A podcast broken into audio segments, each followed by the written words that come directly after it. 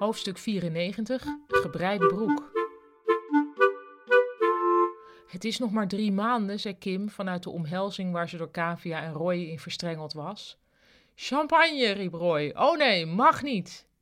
Een kleine Kim, zei Kavia, maar dan met Stanley's kroeskrulletjes, wat lief. Nou, van harte, zei Ruud. Nu is het nog leuk, zullen we maar zeggen. Ik zelf had er tien jaar geleden een knoop in moeten leggen, maar ja. Oh ja, dacht Kavia, Ruud heeft kinderen. Heel erg gefeliciteerd, zei Stella. Ik neem aan dat het nog een beetje te vroeg is om te vragen hoe je je dat dan voorstelt, concreet. Hoe je je wat voorstelt, vroeg Kavia. Nou, met de combinatie zorg-werk, zei Stella. Jezus, Stella, zei Roy, mag het even op een ander moment? Alsof dit ooit aan een man wordt gevraagd, zei Kavia, strijdbaarder dan gebruikelijk.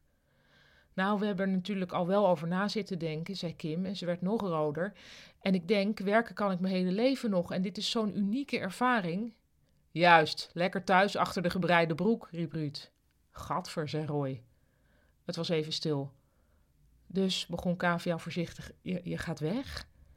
Ze slikte. Kim was haar steun en toeverlaat. We gaan naar Curaçao, want Stanley wil daar een strandtent beginnen.